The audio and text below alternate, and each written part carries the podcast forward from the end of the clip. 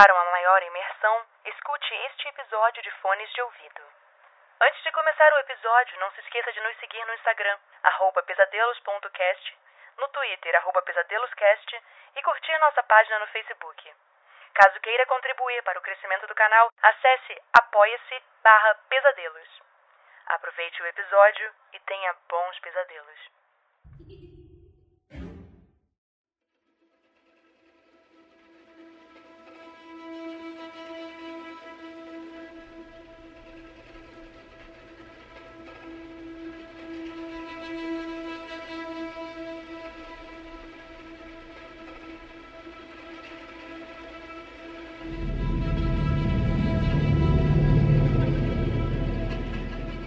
Sem ódio, por William Camargo.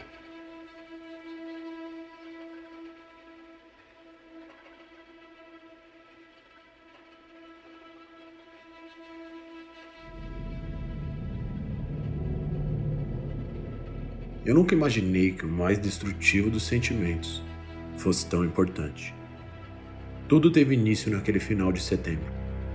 Eu tinha terminado um relacionamento há pouco tempo, estava para baixo e ninguém fala disso, mas terminar um relacionamento nunca é tranquilo. Estávamos juntos há um tempo e eu até gostava do relacionamento. Mas não deu certo. Então a gente se separou. E foi melhor assim. Bom, pelo menos eu achei que fosse. Um amigo me chamou para sair. Acho que estava claro que eu não estava muito bem. E eu nunca fui muito de sair. Mas naquele final de semana eu decidi. Acho que meu amigo havia me chamado sem esperança que eu fosse. Ele ficou bem surpreso quando eu aceitei. Tratava-se de uma festa de música eletrônica, uma festa da qual eu não gostava. Mas eu estava tão deprimido que qualquer coisa que ocupasse minha atenção seria suficiente. Eu me arrumei e fiquei esperando meu amigo e mais alguns conhecidos dele chegarem. E já pude notá-los de longe, eles estavam em um carro com música muito alta. Peguei minhas coisas e fui. Grave erro. Haviam quatro pessoas no carro, contando comigo. Meu amigo dirigindo, sua namorada no passageiro e uma garota atrás. Eu não a conhecia. Ela não parecia ser daqui, tinha um sotaque europeu arrastado.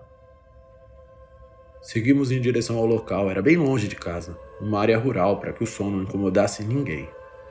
A viagem foi bem agradável, todos foram educados e simpáticos comigo, e por alguns momentos eu tinha esquecido que realmente estava mal. Quando paramos o carro no estacionamento do evento, meu amigo abriu o porta-malas e me chamou para ver uma coisa. Havia uma mala, e assim que ele abriu o zíper eu me assustei. Haviam vários comprimidos em saquinhos plásticos. Aí a ficha caiu. Óbvio que ele não me chamou porque se preocupava comigo. Ele precisava de ajuda para entrar com tudo aquilo de droga. A garota estrangeira disse que era uma droga nova, uma droga criada há pouco tempo na Europa porém mais concentrado, uma dose maior e mais forte. E eu questionei sobre os efeitos e colaterais daquilo. Ela disse que se chamava de droga do amor, que aqueles comprimidos eram capazes de acabar com todo o ódio no coração de uma pessoa, que era capaz de trazer só boas lembranças e sentimentos bons. Era realmente um conto de fadas. Eu dei de ombros e no final acabei ajudando eles a passarem pela revista sem nenhum problema. E dali em diante foram os momentos de maior sofrimento que já passei na vida.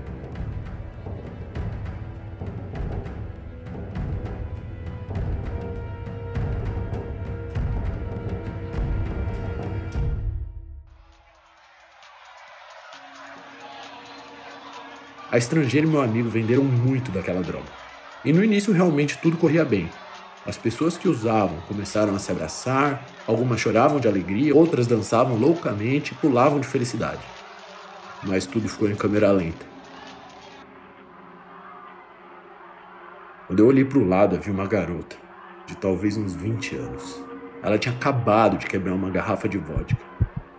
Ela olhou no fundo dos meus olhos, se desculpou cravou o que restava da garrafa no meio da cara. Foi quando eu percebi que a festa inteira estava um caos. Eram gritos de socorro e lamento. A bagunça foi tão grande que eu desmaiei. Só acordei horas depois em um hospital do interior. Fui levado para a delegacia, foi horrível, uma bagunça. E só depois de algum tempo tudo ficou claro. Aquela droga nunca deveria ter sido criada. Eu me culpo até hoje por tudo mal que aquilo causou Mais tarde, alguns estudos concluíram que a droga realmente tinha a capacidade de suprimir o ódio, a antipatia e a raiva.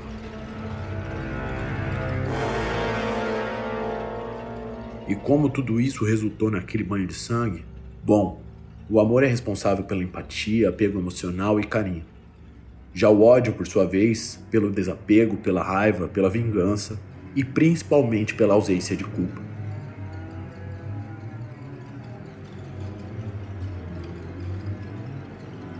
Apenas com o ódio podemos causar danos sem culpa.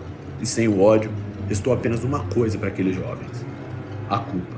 E mais de 35 pessoas no final daquele setembro acabaram com as suas vidas, pois a única coisa que restou para eles na ausência do ódio